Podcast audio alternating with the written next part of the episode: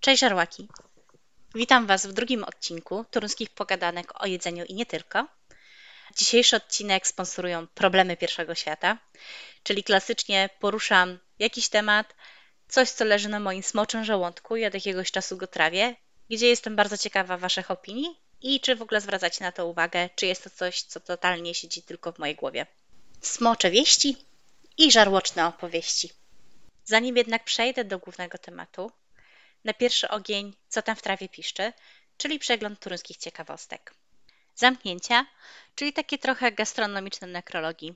Zanim przejdę do tego, jakie restauracje zamknęły się od ostatniego podcastu, chciałabym podkreślić, że przyczyny zamknięć mogą być bardzo różne i niekoniecznie muszą być tylko i wyłącznie finansowe. Tak jest teraz w tym przypadku. Zamknęła się restauracja gruzińska Przystanek Tbilisi koło pierwszego LO na ulicy Dominikańskiej. Plotka głosi, że właściciele się przeprowadzają i to jest powodem zamknięcia. Natomiast nie mam tej informacji z pierwszej ręki bezpośrednio od właścicieli, więc weźcie ją z taką szczyptą soli. Większym echem na bank odbiło się zamknięcie miejsca rolki Toruń. Dużo osób bardzo lubiło ten lokal, bo były przystępne cenowo rolki. Właściciele, zamykając się, nie ukrywali, że otworzenie lokalu zaraz przed pandemią, potem pandemia, a zaraz po niej inflacja przyczyniły się do podjęcia decyzji o zamknięciu. Jednak nie były to jedyne powody podania jako zamknięcia, bo na wypadkową złożyły się także sprawy prywatne, kwestia odległości z oryginalną lokalizacją w Olsztynie, ponieważ rolki Olsztyn nadal pozostają otwarte. Osobiście będzie mi brakować rolek bardzo. Lubiłam je sobie zamówić w dowozie jako przegryzkę w porze lunchowej. Nie ma na to wpływu.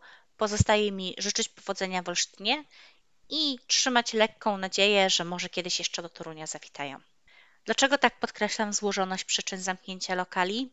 Bo ostatnia narracja, że jakieś miejsce zamyka się tylko i wyłącznie z powodów finansowych, z powodu inflacji, jest takim kreowaniem trochę alternatywnej rzeczywistości. Gastronomia jest ogólnie z tematem bardzo złożonym i wpływa na nią więcej czynników niż tylko to. Jest ogromnie też trudną branżą. Każdy, kto ma do czynienia z klientami swojej pracy, wie, jak mocno to testuje wytrzymałość psychiczną.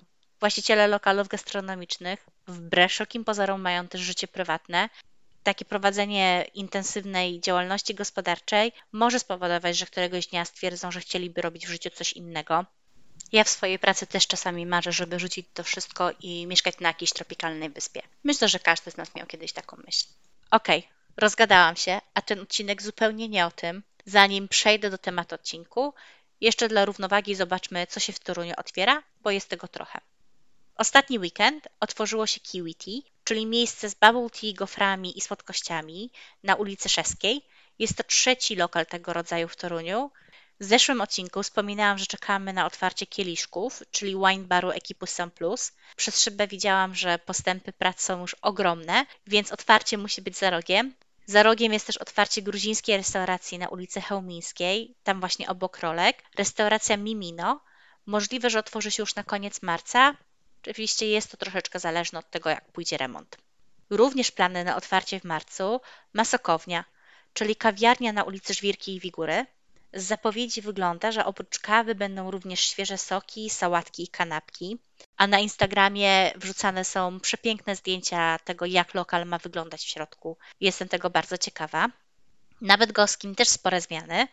Na ulicę Mickiewicza przeniosło się Pytown i możecie teraz zjeść w tych okolicach super babeczki a na bydgoskim przedmieściu również zapowiada otwarcie nowa kawiarnia Aromat. Na Chełmińskiej też od jakiegoś czasu trwają przygotowania do otwarcia bułki 2.0, więc jak słyszycie, dzieje się i przełom marca i kwietnia będzie prawdopodobnie dość bogaty w otwarcia nowych miejsc. Wszystkim nowym miejscom życzę powodzenia, oby jakość i dobra atmosfera przyciągnęła klientów. Dzisiaj bym właśnie chciała pogadać o tym naszej toruńskiej gastronomii od strony kuchni, czyli właściwie od właśnie dań, jakie serwują i co tam ciekawego mamy w menu. Mam nadzieję, że uda mi się przekazać to, co w głowie siedzi, tak w miarę zrozumiale, bo jestem też ogromnie ciekawa Waszego spojrzenia na ten temat. Robiłam teraz na przełomie lutego i marca trochę porządku na blogu, tym takim www.toruńskiżarłok.pl bo robiłam tam drobne zmiany, żebyście mogli łatwiej odnaleźć wpisy w zależności od rodzaju kuchni, jaka restauracja proponuje. I powiem Wam szczerze, że czasami ciężko było mi niektóre miejsca zaklasyfikować, E, dlatego że dużo z restauracji ma w menu trochę taki miszmasz i proponuje dania z różnych kuchni. Więc macie tam troszeczkę dań polskich, troszeczkę włoskich, jakieś wpływy azjatyckie i nazwanie tego kuchnią fusion może być niedopowiedzeniem, a z drugiej strony też ciężko zakwalifikować, jaki to rodzaj kuchni. Może jeszcze jako przedsłowie chciałabym dodać, że większość z tych miejsc ma serio dobrą kartę główną i opisywałam je pozytywnie na swoim profilu, bo to, co zjadłam na miejscu, było smaczne, obsługa była miła. Jakby to nie zmienia faktu moich przemyśleń, że często karta główna jest smaczna, natomiast jakby te dania potrafią nie być równe. Szefom kuchni najczęściej jest bliżej do jakiegoś rodzaju kuchni, czy to będzie kuchnia polska, czy azjatycka, włoska i tak dalej, ponieważ każda z tych kuchni wydobywa smak w troszeczkę inny sposób. Są używane inne przyprawy. Im dłużej gotujemy w jakimś określonym stylu, tym przychodzi nam to łatwiej. W momencie, kiedy szef kuchni musi te style zmieniać, stanowi to jakiś tam dodatkowy rodzaj trudności i różnie to jakby wypada. Z innej strony rozumiem też, że restauracje szukają inspiracji i starają się przyciągnąć klientów na różne sposoby. To też normalne i doceniam taką elastyczność i próby podejmowane przez szefów kuchni. Wracając do tematu, na naszym toruńskim podwórku, czasami przyglądając się menu, widzę takie propozycje, które są bardzo luźnymi interpretacjami dań z innego kraju, bardzo luźnymi lub przypisywanymi w ogóle nie do tego kraju, skąd to danie pochodzi.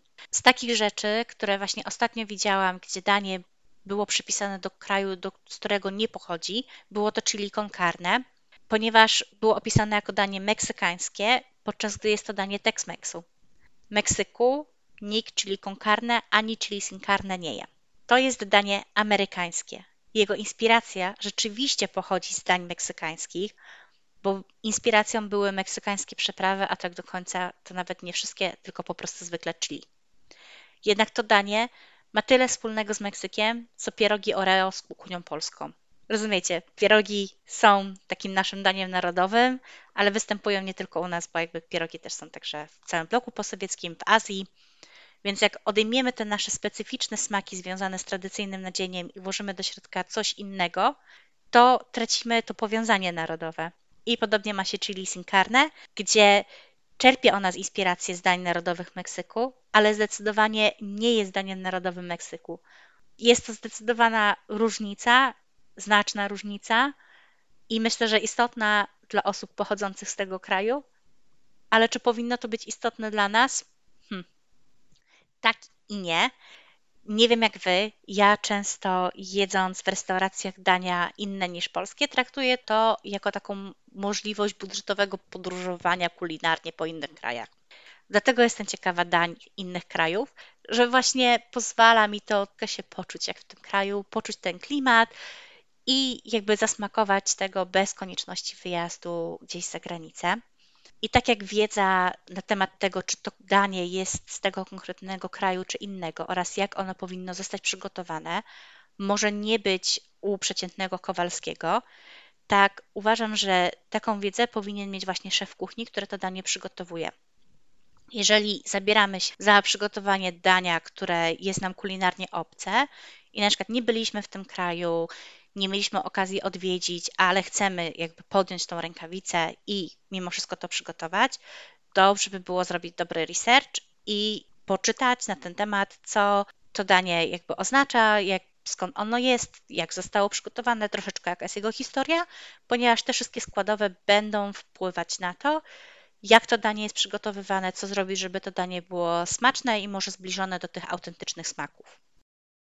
I wiecie, ja mam taką świadomość, że może to jest takie trochę naiwne myślenie o tym, że tak wygląda praca w kuchni, że to nie jest czysty zabieg marketingowy, gdzie szefowie kuchni po prostu wrzucają cokolwiek w menu. Ważne, żeby to się sprzedało. Mam gdzieś tam takie marzenia i wyobrażenia o tym, że ten etos szefa kuchni jest u nas dość wysoki i pracują tam ludzie z pasją, ponieważ zazwyczaj takich ludzi spotykam.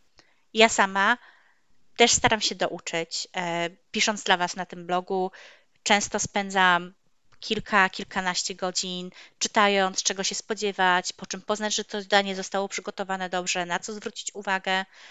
Jeżeli gdzieś się pomylę i szef mi napisze, że na przykład pomyliłam X, Y, potem siedzę i doczytuję na ten temat, żebym następnym razem nie popełniała takich błędów, ponieważ jedzenie to jest takie hobby, spędzam sporo czasu czytając o nim, no i mam też trochę może dzięki temu informacji, którymi mogę się z Wami podzielić, które może Wam się przydadzą w przyszłości. Ponieważ kuchnia azjatycka jest tym, co jest memu serduszku najbliższe, mam najwięcej wiedzy na ten temat, najłatwiej jest mi zauważyć, gdzie są popełniane jakieś nieporozumienia dotyczące tej kuchni. I dlatego może mam też wrażenie, że dużo częściej kuchnia azjatycka jest błędnie interpretowana. I tak na przykład z rzeczy ostatnich.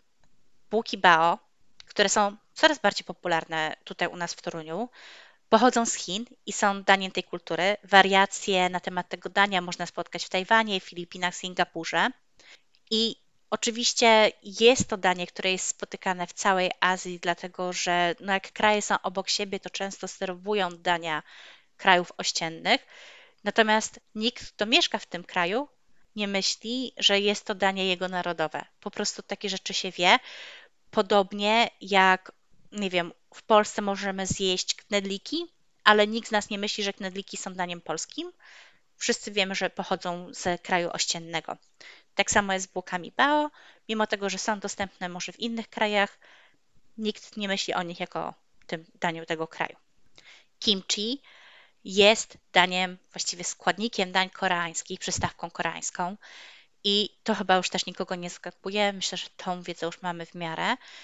I oczywiście, że można zjeść kimchi w Japonii, Tajlandii czy w Rosji, no ale jakby nikt nie będzie miał takich wątpliwości, jest to danie koreańskie.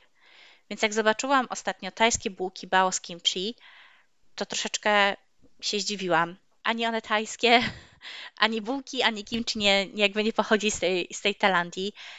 No i myślę, że jakbyśmy my zobaczyli knedliki z węgierskim gulaszem podawane w polskiej karcie bocznej, to też byśmy się zdziwili. Staram się Wam dawać przykłady na bazie kuchni polskiej, tak żeby nam się było łatwiej tutaj jakby odnaleźć. Innym takim przykładem właśnie z naszego toruńskiego podwórka jest ramen. Zaczynając od podstaw, ramen to jest danie, które nie jest nazwą bulionu. Wiem, że często to się myli, bo dużo z nas je ramen z bulionem, ale nazwa dania pochodzi właśnie od rodzaju makaronu. Tak samo jak spaghetti. Spaghetti jest rodzajem makaronu, nie nazwą całego dania. Więc jeżeli zamawiamy w restauracji spaghetti po bolońsku, a dostajemy penne z sosem bolońskim, mamy prawo się zdziwić. Jeżeli zamawiamy w restauracji ramen, a dostajemy w zupie makaron udon, to też możemy się zdziwić.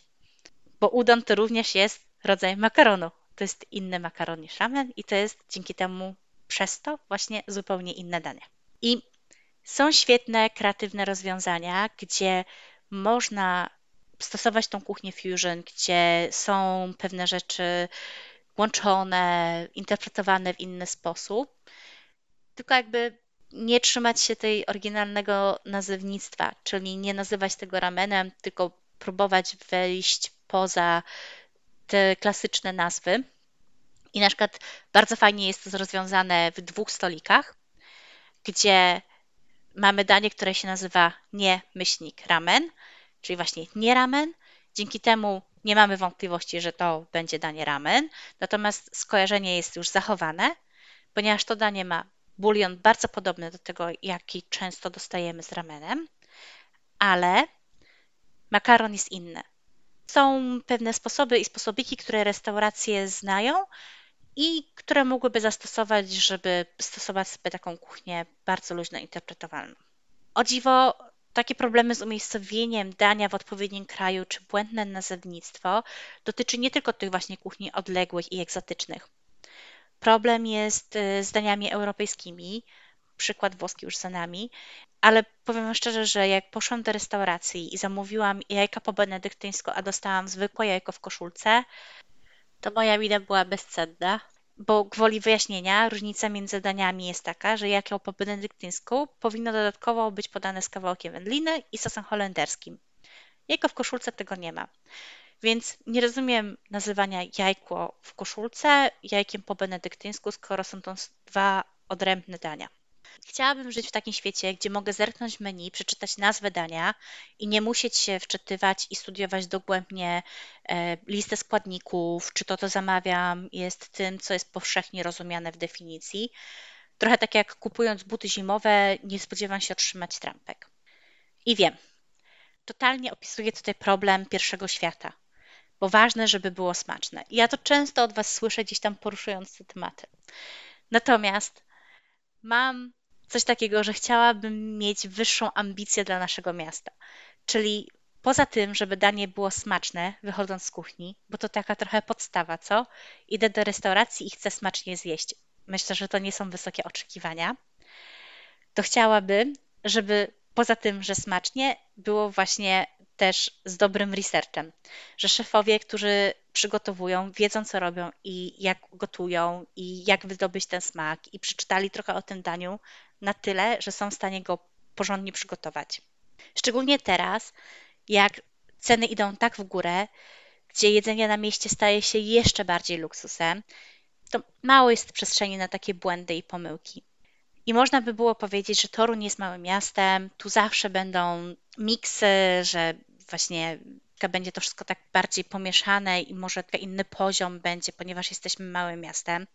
No ale to też nie jest tak, że my jako Toruńczycy nie mamy porównania z tym, co się dzieje w innych miastach czy za granicą i jesteśmy w stanie obiektywnie ocenić, że coś jest dobre, czy wiecie, byłam w Poznaniu, w Wrocławiu, w Warszawie, Krakowie, obojętnie w jakimś innym mieście i tam dostałam to danie przygotowane lepiej, albo będąc tam dowiedziałam się, że to danie powinno być robione w inny sposób. Bo jak o tym sobie pomyślimy, to kiedyś, dawno temu, w latach 90., może późnych 90., każda pizza w Toruniu była serwowana z sosem czosnkowym. I jakby mało było takiej świadomości pośród przeciętnego jakby zjadacza pizzy, że to, co my jemy, różni się zdecydowanie od tego, co jest serwowane we Włoszech. Nie było świadomości, bo jakby nie mieliśmy porównania. Jednak czasy się pozmieniały, ludzie wyjeżdżali, zobaczyli, posmakowali i nagle mamy teraz coraz więcej pizzerii serwujących pizzę w stylu włoskim i bez problemu rozróżniamy różne style, właśnie jedząc tą pizzę. I tu chciałabym, żebyśmy się dobrze zrozumieli. I myślę, że może właśnie na tym przykładzie pizzy, bo będzie świetne. Mamy różne rodzaje pizzy, włoską, amerykański deep dish, polską lub jak tam kto woli wschodnią, bo to nie tylko w Polsce, z sosem czosnkowym. I to jest wspaniale. I to jest super, że ktoś kiedyś złamał schematy dotyczące jakiegoś dania i mamy teraz taką różnorodność. I nazwijmy to sobie tą kuchnią fusion, czyli inspiracjami, gdzie jakby te dania są mieszane. Mamy wiem, sałatki warzywnej, która pochodzi z Rosji, mamy rybę po grecku, która nie ma nic wspólnego z tym krajem. To wszystko jest serio ok, o ile wszyscy właśnie dzielimy to wspólne zrozumienie, że to, co jemy, jest inspiracją, że jest luźną interpretacją i takim miksem kulturowym, a nie, że jemy rybę po grecku i myślimy, że rzeczywiście możemy się poczuć teraz jak na greckim wybrzeżu. Jest inaczej dla mnie, jeśli idę na przykład do miejsca sushi, gdzie w karcie wprost informują, że oni są restauracją fusion i że na przykład dzięki temu mamy sushi z awokado, bo awokado nie rośnie natywnie w Japonii, więc wiecie, nie jest zwyczajowo używane do dań tak jak, nie wiem, pomarańcze nie rosną natywnie w Polsce, więc pierogi z pomarańczą też są czymś dziwnym. I to jest wszystko ok, bo jakby siadając do tej restauracji, idąc do tej restauracji, jest informacja, że to jest azjatyckie fusion i w porządku jest to ogólne, wspólne rozumienie, że to, co ja jem, to nie jest tak, jakbym zjadła w takiej tradycyjnej japońskiej knajpie. Natomiast zawsze się martwię, jak ktoś mi mówi, że był właśnie w restauracji Fusion i myśli, że zjadł danie natywne, takie jakby dostał w tym kraju. Bo to trochę takie przykre jest wtedy, nie? W sensie można, można się poczuć smutno i zawiedzionym, bo też przecież nie jest tak, że my jako klienci musimy wszystko wiedzieć. Jakby idąc do restauracji, jest taka część edukacyjna, którą restauracja też może zrobić. Ja osobiście bardzo lubię podróżować kuchennie i dla mnie dania narodowe jakichś innych krajów stanowią taką trochę podróż też kulinarną przez smaki tych narodów, bo jedzenie jest częścią kultury, jest jakimś tam składnikiem kultury i ja na to zwracam uwagę. Okej, okay, rozgadałam się. Mam nadzieję, że udało mi się przekazać główną myśl. Jestem ciekawa Waszego spojrzenia na ten temat. Czy w ogóle zwracacie na to uwagę? Czy to jest tak, że nie? A może jest tak, że ciężko jest zwrócić na to uwagę, no bo to by wymagało też tego, żebyście Wy sobie poczytali o jakichś daniach, żeby móc to zauważyć i przez to jest to jakby trudniejsze, więc musicie większe zaufanie składać gdzieś w szefach kuchni, że jednak poinformują dobrze w karcie na temat tego, co jecie dajcie znać w komentarzu. Możecie sobie skomentować czy na Facebooku, czy na Instagramie. Możecie mi wysłać wiadomość prywatną, jak nie chcecie publicznie. Przyjmuję każdy kanał komunikacji. Jestem szczerze zainteresowana Waszymi opiniami. To tyle na dzisiaj. Ja życzę Wam wszystkiego smocznego i do usłyszenia następnym razem.